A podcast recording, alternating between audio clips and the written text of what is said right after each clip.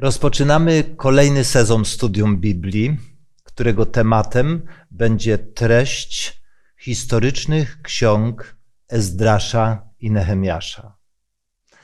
Mam na imię Zenon, a razem ze mną dzisiaj w studiu są Grzegorz, Dawid i Waldemar. Witam serdecznie wszystkich widzów i wyrażam nadzieję, że nie tylko dzisiejsze studium, ale każde kolejne będzie ciekawym i inspirującym przeżyciem każdego.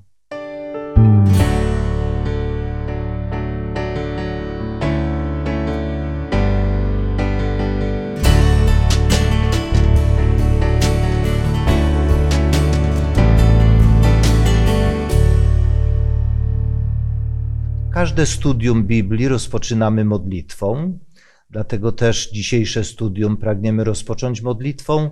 Modlił się będzie z nami Dawid.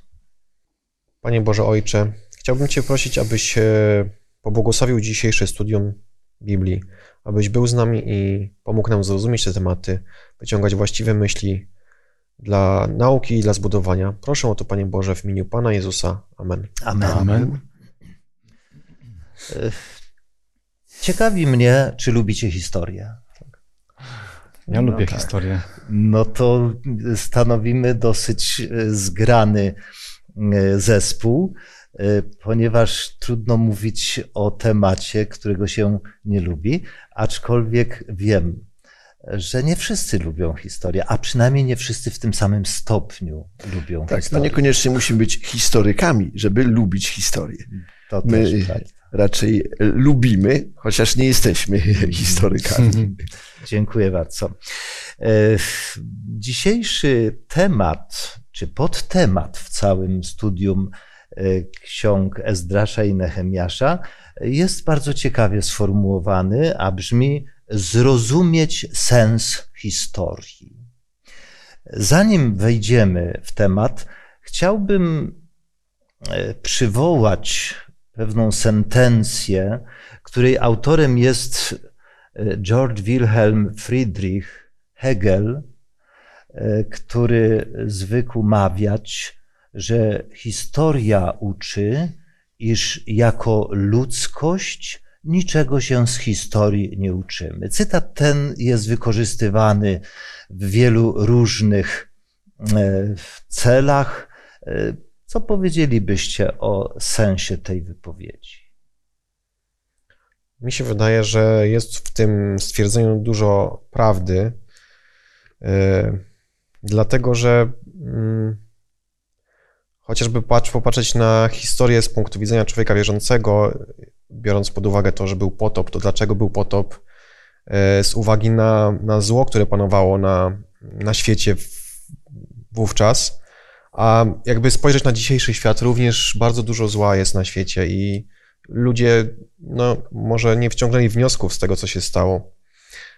Bo tak podsumowując, można powiedzieć, że bez Boga to, to, to ludzie nie nauczą się za wiele z historii, z tego, co się stało, ale jeżeli Bóg jest i, i prowadzi, czy naród, czy jednostki, to myślę, że dużo człowiek może się nauczyć. Mm, dziękuję. Jest takie jeszcze kolejne y, takie stwierdzenie, y, które mówi, że historia lubi się powtarzać. Mhm. Czyli w tym stwierdzeniu jest jakby taka myśl zawarta, że, że po prostu nie uczymy się tak, tak do końca z tej historii e, i czasami musimy sami doświadczyć na własnej skórze, że, e, że ta historia mogłaby nam coś pomóc, mogłaby nam dać jakieś takie myśli, jakieś takie spostrzeżenia. Dlatego no, warto, warto y, lekcje z historii wziąć do, mhm. do, do serca. Dziękuję.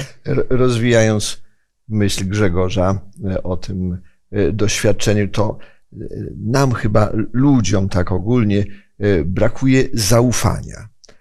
Coś tam się wydarzyło, są wnioski opisane w mądrych księgach. Inni ludzie mówią, ale my chcemy sprawdzić, doświadczyć, mhm. bo nie ufamy poprzednim pokoleniom, innym ludziom. Im się nie udało, nam się E, uda. U nas to pra prawdopodobnie będzie inaczej. Mhm. I od początku przerabiamy błędy, niestety. Powtarzamy. Powtarzamy błędy, tak jak Grzegorz wspomniał. Także y, coś chyba w tym powiedzeniu Hegla y, jest, że trudno nam się na, nauczyć coś z tej historii. Mimo, że ta wypowiedź pochodzi z przełomu XVIII i XIX wieku. Warto też przypomnieć, że każdy, kto był w Muzeum e, Martyrologii w Auschwitz e, i zakończył e, trasę, to chyba nie mógł nie zauważyć sentencji dużymi literami wypisanej przed wyjściem z terenu obozu. Zdanie, w tej chwili nie pamiętam jego autora, ale brzmi ono, iż naród, który nie zna swojej historii, skazany jest na jej powtórne przeżywanie. Ale mówiąc o tej lekcji z historii, czy można tak utożsamić ogólnie naród, społeczeństwo, grupę i powiedzieć, że w związku z tym nikt jednostkowo niczego się z historii nie uczy? Myślę, że byłoby to niesprawiedliwe dosyć, ponieważ e, e, na pewno są jednostki, które chcą, chcą się nauczyć czegoś właśnie, chcą e, mm, żyć z Bogiem, mm, wyciągać wnioski i, i, i, po prostu mądrze, mądrze podchodzi do życia, biorąc pod uwagę te wszystkie historie, które się zdarzyły w przeszłości. Mm-hmm. Tak, i, i całe szczęście, że Pan Bóg będzie rozliczał indywidualnie, Aha. a nie za przynależność do narodu, czy do grupy, czy do jakiejś tam społeczności. Dziękuję bardzo. Dlatego też apeluję do siebie, do każdego z nas, do ciebie, drogi słuchaczu, aby nie patrząc na to, czy inni uczą się czegoś, czy nie, aby każdy wziął sobie do serca i zechciał się czegoś z historii nauczyć. Ale mam na myśli jeszcze jedną pewną dość powszechnie powtarzaną sentencję, mianowicie taką, że historię ponoć piszą zwycięzcy. W związku z tym myślę, że sugestia w tym zdaniu jest dość jednoznaczna. Czy jakie, ma, jakie myśli się Wam rodzą w związku z taką, z taką myślą, z taką wypowiedzią? Przede wszystkim studiujemy Biblię, Aha. Słowo Boże. I w, jest to też księga historyczna, też opisuje historię. No, ale tak chyba tam nie za wiele jest tych zwycięstw, mhm. jako takich zwycięstw państwa Izrael czy, czy, czy tym podobnych. Mhm. Jest sporo opisanych niewygodnych rzeczy nawet. Klęsk. Też. Mhm. I w, w związku z tym to przemawia do mnie w ten sposób, że jest to takie bardziej autentyczne mm-hmm. spisanie. Że nie wszystko było takie różowe, wspaniale, wspaniałe, jakby to mm, pisali tylko zwycięzcy. Aha, dziękuję. No są też takie, ja też właśnie pociągnę tą myśl Waldka, że to też świadczy o takiej autentyczności, że nie tylko są takie spektakularne wydarzenia opisane, ale też i takie niewygodne, które można byłoby gdzieś zamieść pod dywan. Przemilczeć. Przemilczeć to. Mhm. I to y, właśnie y, przemawia y, za tym, że to jest autentyczne, prawdziwe i jak najbardziej godne, żeby to studiować. Dziękuję.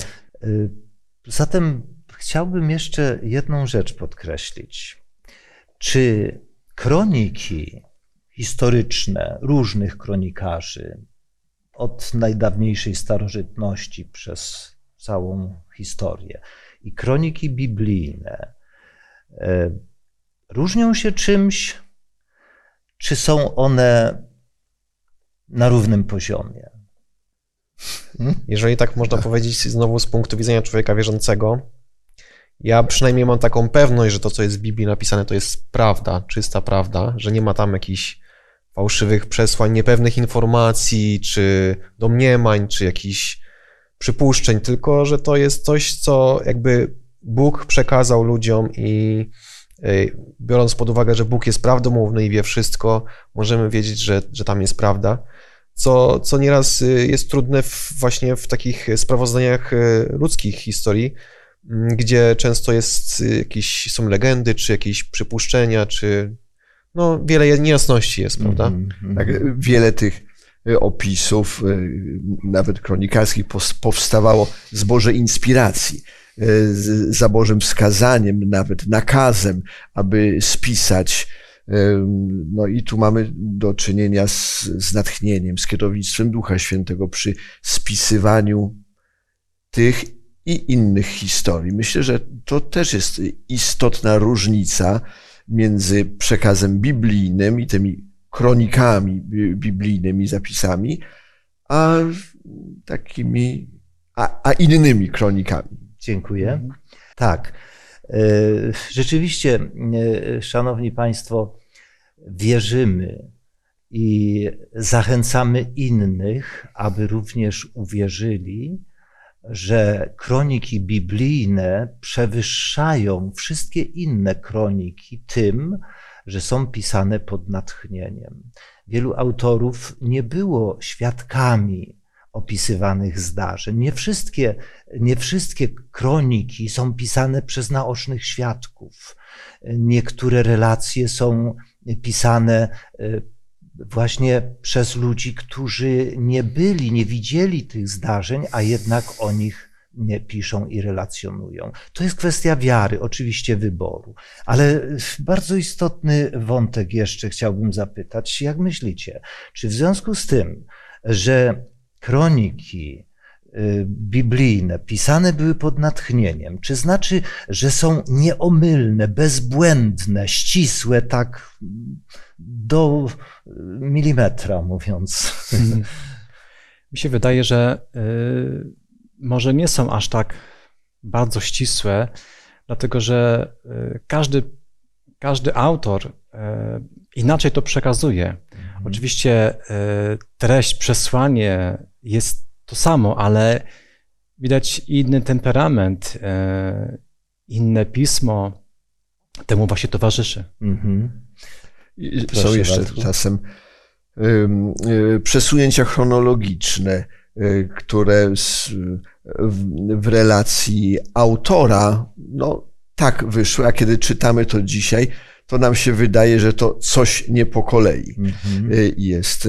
No ale to są właśnie te względy tego ludzkiego czynnika, bo Bóg, Duch Święty były inspiracją, inspirowały, a ludzie opisywali, jak powiedziałeś, swoim językiem.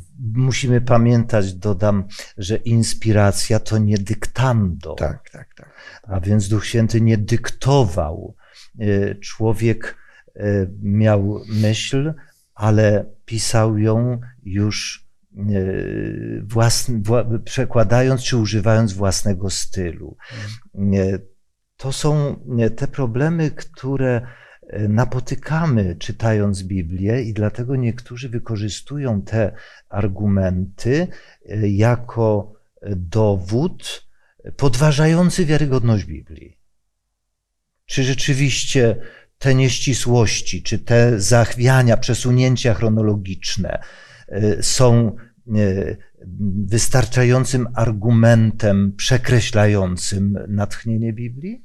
No tak jak żeśmy mówili tak na początku, że absolutnie nie. To raczej wskazuje na autentyczność. Wskazuje mm -hmm. na autentyczność. Mm -hmm. Tę chronologię można mm, wyprostować, y, czytając inne księgi, czy chociażby historie pozabi- Pozabiblijne. po, pozabiblijne.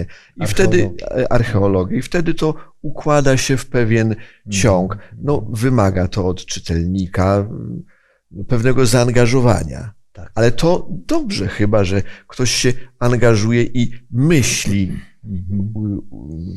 przy czytaniu, układając poszczególne fakty. Dziękuję bardzo. Chciałbym jeszcze powiedzieć, że mm, gdyby Biblia była tylko, zawierała tylko proste jakieś takie rzeczy do zrozumienia, takie jasne i które można zrozumieć bez większego wysiłku, no to myślę, że może ludzie nie podchodziliby do niej z szacunkiem, może z pokorą, a jeżeli są w niej zamieszczone rzeczy trudne, które trudno wyjaśnić, to tylko świadczy o tym, że, że Bóg jest jakby kimś wielkim, do którego no, trzeba podejść z szacunkiem i z pokorą i, i nie wszystko o Bogu można tak łatwo y, zrozumieć. Dziękuję bardzo. A zatem czas, aby wejść w treść.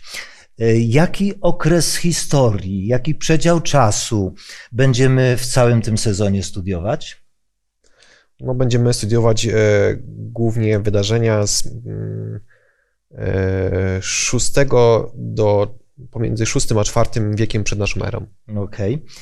E, Dziękuję bardzo. E, Początek księgi Ezdrasza. E, Grzegorz, mogę poprosić, żebyś przeczytał drugi i trzeci werset. Tak mówi Cyrus, król perski. Wszystkie królestwa ziemi dał mi Pan, Bóg niebios. On też rozkazał mi, abym zbudował mu świątynię w Jeruzalemie, które jest w Judzie. Kto więc spośród was należy do jego ludu, niech jego Bóg będzie z nim.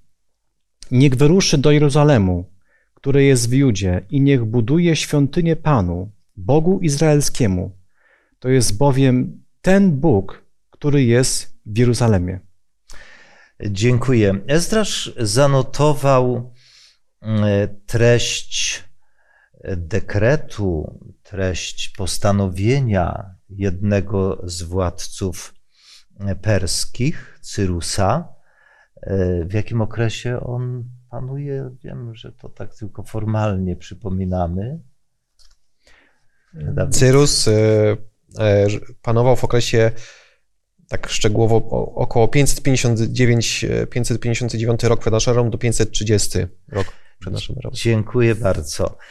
E, Ale mówiąc o tym dekrecie pozwalającym Izraelitom na powrót do Jerozolimy, e, studiując inne fragmenty Pisma Świętego, e, do czego ten dekret nawiązuje? No i jest to, jest to zapowiedź 70-letniej niewoli. To raczej wypełnienie się już 70-letniej Tak, niewoli. tak, tak. Nawiązanie do tego. na, na, na, nawiązanie do tego, kiedy na skutek y, różnych y, niepowodzeń, nieposłuszeństwa całego narodu znalazł się on w niewoli. No i teraz jest y, taka sytuacja, że mm, nie widać wyjścia z, te, z, z tego. Wydaje się, że to tak będzie trwało i trwało. Dziękuję. Który z proroków zapowiadał 70-letnią niewolę? No właśnie Jeremiasz i na potwierdzenie tych słów chciałbym odczytać z 25 rozdziału i werset 11-12. I cała ta ziemia stanie się rumowiskiem i pustkowiem i narody te będą poddane królowi babilońskiemu 70 lat. A po upływie 70 lat ukaże króla babilońskiego i ów naród za ich winę, mówi Pan, i kraj Chaldejczyków i obrócę go w wieczną pustynię. Dziękuję. No, bardzo mocne słowa, nieprzyjemne. Gdybyśmy tak wyrwali je tylko i tak skoncentrowali się na treści tych dwóch wersetów, to różne mogą pojawiać się skojarzenia. Dlatego też zachęcam, aby wszystkie tego typu wypowiedzi czytać w kontekście historycznym, w kontekście pewnych pewnego ciągu wydarzeń. No, Jeremiasz, przez Jeremiasza Pan Bóg zapowiedział 70 lat. Mamy drugiego proroka i da, Dawid, poproszę Ciebie, abyś przypomniał słowa innego z proroków, żyjących właśnie pod koniec tych 70 lat niewoli. Proszę bardzo. Tak, tak. Był to prorok Daniel, który właśnie był jednym z wygnańców, niewol, niewol, niewolników, którzy zostali zabrani przez Nabokadnezera do Babilonii. I w księdze Daniela w dziewiątym rozdziale pierwsze dwa wiersze pisze tak. W pierwszym roku Dariusza, syna Ahasferosza z rodu medyjskiego, który został królem państwa chaldejskiego, w pierwszym roku jego panowania ja, Daniel, zwróciłem uwagę w księgach na liczbę lat, które miały upłynąć według słowa Pana do proroka Jeremiasza nad ruinami Jerozolemu. To jest 70 lat.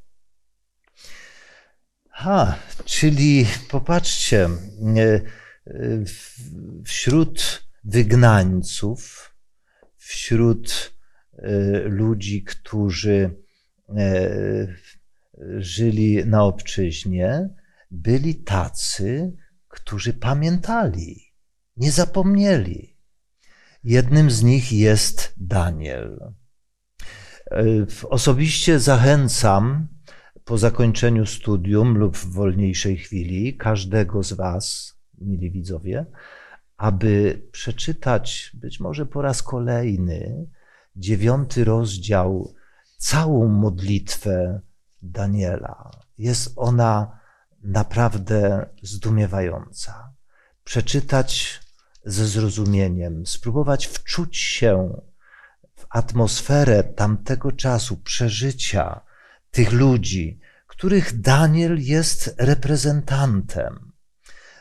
To poszukiwanie Boga, to e, powoływanie się na Boże obietnice i oczekiwanie, że teraz to wszystko się wypełni.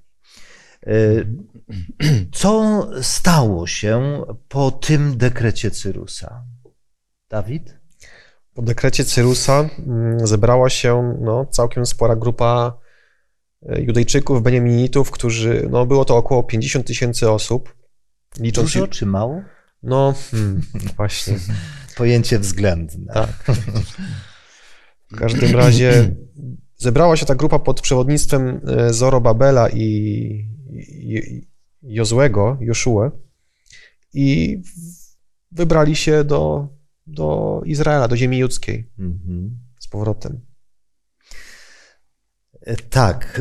Później Ezdrasz e, tutaj pisze całą listę e, tych imion, dla nas bardzo obcych i trudnych nieraz nawet do wypowiedzenia. Hmm. Niektórzy łamią sobie językiem, mówią, ja te wykazy imion to pomijam, prawda? E, oczywiście to jest czysto kronikarska e, rzeczywistość, która dla historyków, egzegetów, archeologów ma swoje e, znaczenie. Może dla przeciętnego czytelnika tych kronik ma e, same te imiona mają mniejsze znaczenie, ale stanowią one dowód i argument autentyczności i prawdziwości tych relacji. Wspomnieliśmy wcześniej, i tu tylko króciutko chcę uzupełnić, czy powtórzyć, zaakcentować, że relacje samego Ezdrasza nie są w kolejności chronologicznej y, wymienione. Królowie i dekrety, które y, wymienia, y, to jest rzecz, która nie powinna w żadnej mierze zdyskwalifikować Ezdrasza jako kronikarza piszącego, aczkolwiek Ezdrasz w większości tych tych rzeczy, które, kroni, które spisuje, y, uczestniczył, był uczestnikiem tych zdarzeń, o których pisze. Że y, nie skończyło się na wyjściu tej grupy Izraelitów. Co dalej z tym powrotem, no i przede wszystkim odbudową Jerozol świątyni i Jerozolimy. Proszę bardzo. No tu, tutaj z tego opisu e, czytamy, że to, e, że to były dwie grupy. Ta pierwsza grupa była bardziej liczniejsza, druga może bardziej skromniejsza, jeżeli chodzi o liczebność. E, no i to jest to, że, że czekało ich pewne, pewne właśnie wyzwanie, gdy już czytamy dalszą historię na temat e, właśnie odbudowy Jerozolimy. Mhm. Jaki odcinek czasu dzielił y, te dwie grupy u- wychodźców? A więc y, pomiędzy pierwszą grupą wygnańców, która wyruszyła do Izraela, a drugą, która wyruszyła pod przewodnictwem Ezdrasza, y, no minęło około 70-80 lat. Także to był całkiem spory, y, to może być odcinek czasu, tak. Mhm, mhm. Y, Co uczynili pierwsi wychodźcy, a co zostało dla tej drugiej grupy? Więc ta, ta pierwsza grupa, ta liczna, miała za zadanie odbudować, właściwie odbudowała y, świątynię w, w, w, Izraelu. Natomiast ta druga, mm, mniej liczna, miała, mm, mieli się zająć odbudową mm, miasta i takiej administracji państwowej. Murów, Murów obronnych. Tak. tak. Y, My dzisiaj w tym wstępnym studium tylko nie dotykamy pewnych rzeczy, bo przed nami jeszcze kolejnych 12 tematów, których będziemy przyglądać się szczegółowo opisom księgi Ezdrasza, opisom Ezdrasza. Dlatego dzisiaj tylko wspominamy tak sygnalnie o pewnych rzeczach.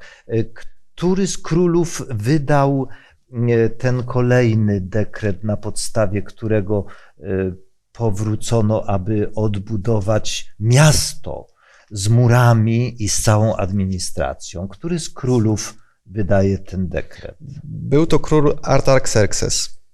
E, Moi drodzy, e, podsumowując e, dzisiejszą naszą rozmowę, podsumowując analizę tych fragmentów, zwrócić chcę uwagę na dwie rzeczy. Po pierwsze, wracam do dekretu Cyrusa. I chciałbym, abyście podzielili się refleksją, swoją refleksją. e, e, Jak oceniacie postawę Cyrusa? Czy Cyrus był e, wierzącym? Tym bardziej, że znając inne fragmenty Pisma Świętego, Bóg nawet przez proroka Izajasza Cyrusa nazywa pomazańcem. A więc kimś, kim posłużył się do wypełnienia swojej woli. Czy Cyrus był wierzącym, czy on uznał Boga Izraela? No, W pewnym sensie e, możemy go nazwać wierzącym, bo uwierzył w to, co Bóg do niego powiedział. Bóg e, zlecił, polecił mu wydać dekret, e, dać dary, pewne, pełnomo, pewne pełnomocnictwa, takie e, listy polecające. I on to uczynił. Aha. I oby w tym znaczeniu był dla nas e, wzorem, przykładem. mhm. Bóg mówi, wykonuje. Mm, mhm. Y, Grzegorz? No widzę, też że- można byłoby przyrównać Cyrusa, który tym swoim dekretem jakby tą niewolę babilońską kończy i rozpoczyna się nowy etap. Nie wiem, czy mógłbym tak przyrównać, ale nawet do Pana Jezusa, który również też swoim przyjściem na ten świat też y, daje nam wolność od tej niewoli grzechu. Mhm. I, I można byłoby takie, takie przyrównanie tutaj zastosować, e, jeżeli chodzi o właśnie Cyrusa. Dziękuję. Ja sam skrytykuję swoje pytanie, bo to pytanie postawiłem trochę prowokująco. E, Mam świadomość, że jako ludzie powinniśmy e, być ostrożni w wyciąganiu wniosków i ocenianiu kogokolwiek, czy to postaci historycznych, czy współczesnych, ponieważ przekraczalibyśmy pewne kompetencje, e, które ma tylko Bóg w ocenie. Aczkolwiek to nie znaczy, że nie możemy wyciągać pewnych wniosków, no bo jeśli mamy się czegoś uczyć z historii, to musimy wyciągać pewne wnioski, prawda? I to, co Waldku powiedziałeś, bardzo mi y, podoba się. Y, ten akcent, Bóg powiedział, on nie dyskutował. Y, nie postawił y, swojego, nie uważał się za Boga, jak wielu innych władców, prawda? Chociażby. Y, Chociaż faraon, był wielkim władcą. Chociaż był wielkim, ale wcześniej faraon, któż to jest Bóg? Ja tu mhm. rządzę i nie ma mi nikt nic do powiedzenia, prawda? Tu, gdybyśmy tak zestawili faraona i Cyrusa, no to myślę, że ten kontrast jest bardzo duży, duży i wyraźny, prawda? Mhm. Jeżeli można. To jest e, ciekawa sytuacja pod koniec tej 70-letniej niewoli babilońskiej. Według pism e, Daniel studiuje, powinno się to kończyć, a tu nic nie wskazuje na mhm, to. Mhm. Martwi się, prosi, modli się, jak już wspominaliśmy. No i chyba za wiele nie może zrobić, mhm, chociaż jest wysokim urzędnikiem. Ale się okazuje, że to Pan Bóg kieruje wszystkim i mhm. tak wpływa na władcę, na te wszystkie y, sytuacje, że to, co zapowiedział, to się dzieje w oznaczonym czasie. Nam też się czasem wydaje, że Pan Bóg powinien o już odpowiedzieć, mhm. bo mam jakiś problem. Mhm. A Bóg, y, kiedy przyszło wypełnienie czasu, jak mówi Ewangelia, posłał swego syna. Wszystko, A sam posłał tego króla. Wszystko w oznaczonym Bożym czasie.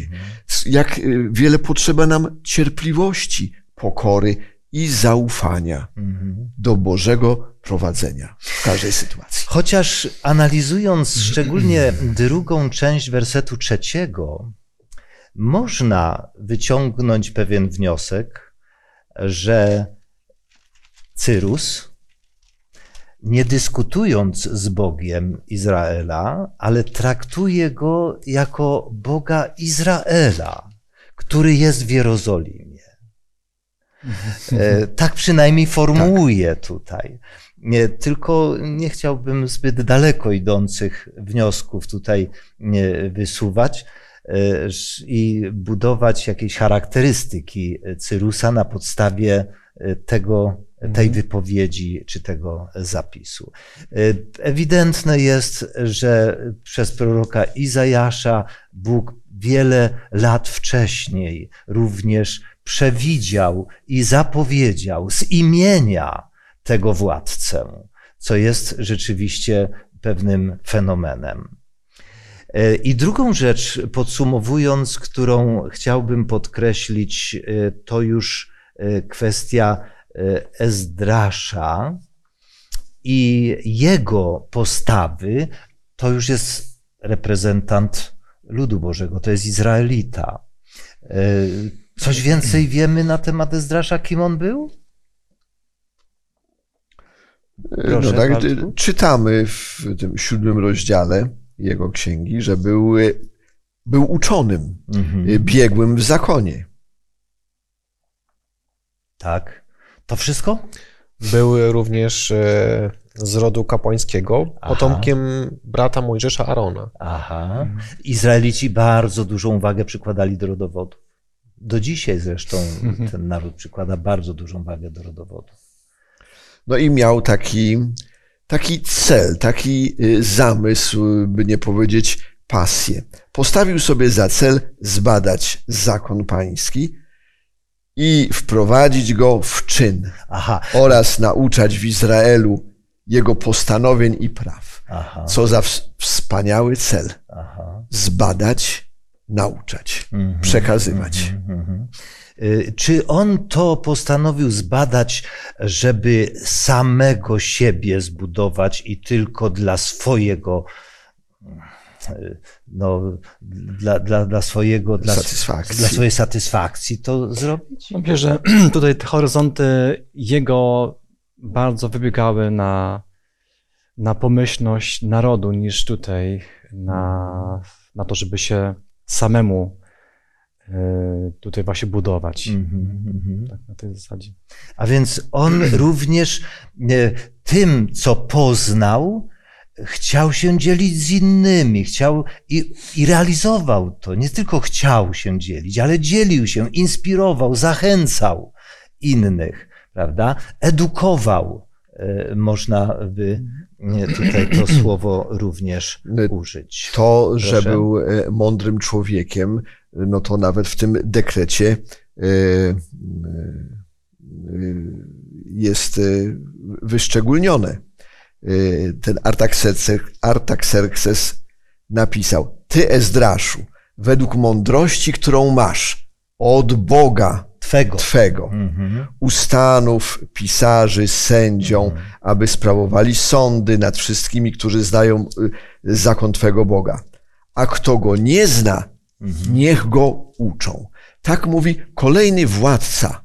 Mhm. Mhm. y, Takie polecenie daje. Y, Wynika z, wynika z tego, że Ezdrasz był znaczącą postacią. Mhm. A więc, moi drodzy, znaczenie edukacji e, i osobistej, indywidualnej. Ezdrasz, jako uczony człowiek, z pewnością e, tą edukację zdobywał e, no, tam, gdzie był, a więc na nieizraelskich uczelniach, nie od rabinów, prawda? ale e, uczył się od tych naukowców, magów, wieszczków, astrologów, prawda? E, On tą wiedzę zdobył. E, Jednak, czy możemy powiedzieć, że ta wiedza, którą zdobył, to wszystko jest złe?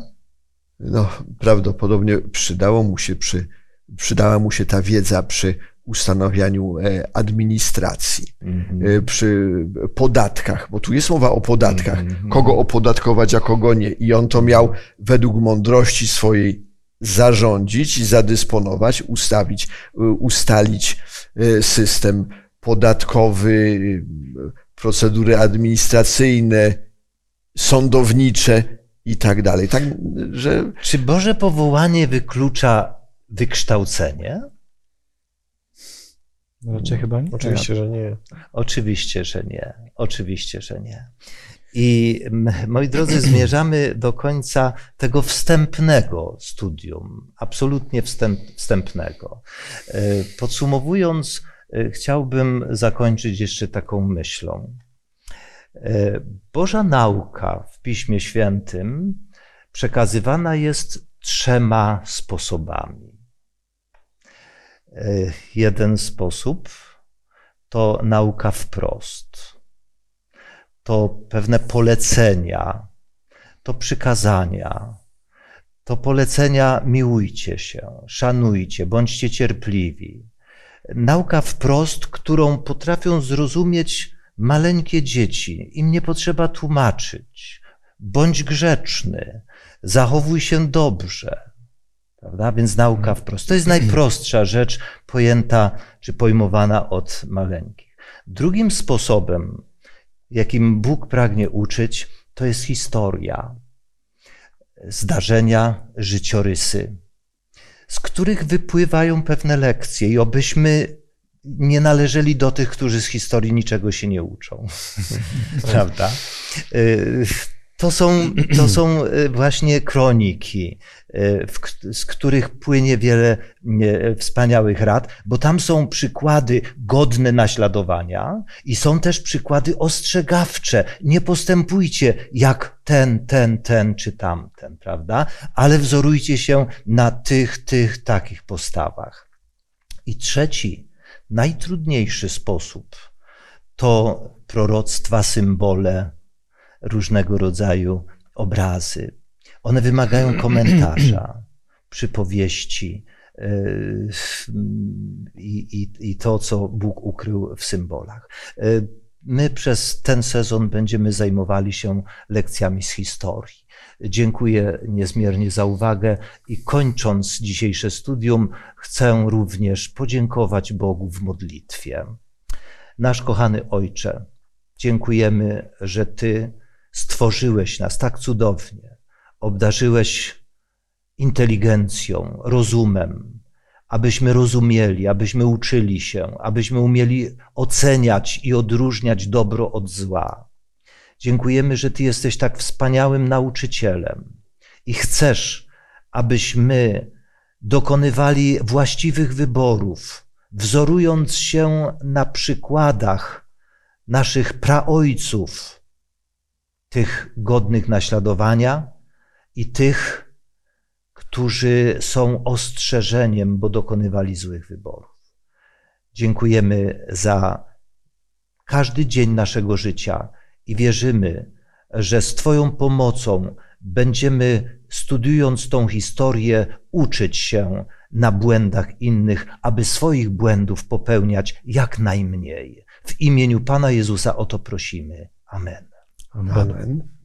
Zapraszamy na kolejne studium już za tydzień. E, Sięgniemy i będziemy zapoznawać się z życiorysem, z postacią Nehemiasza.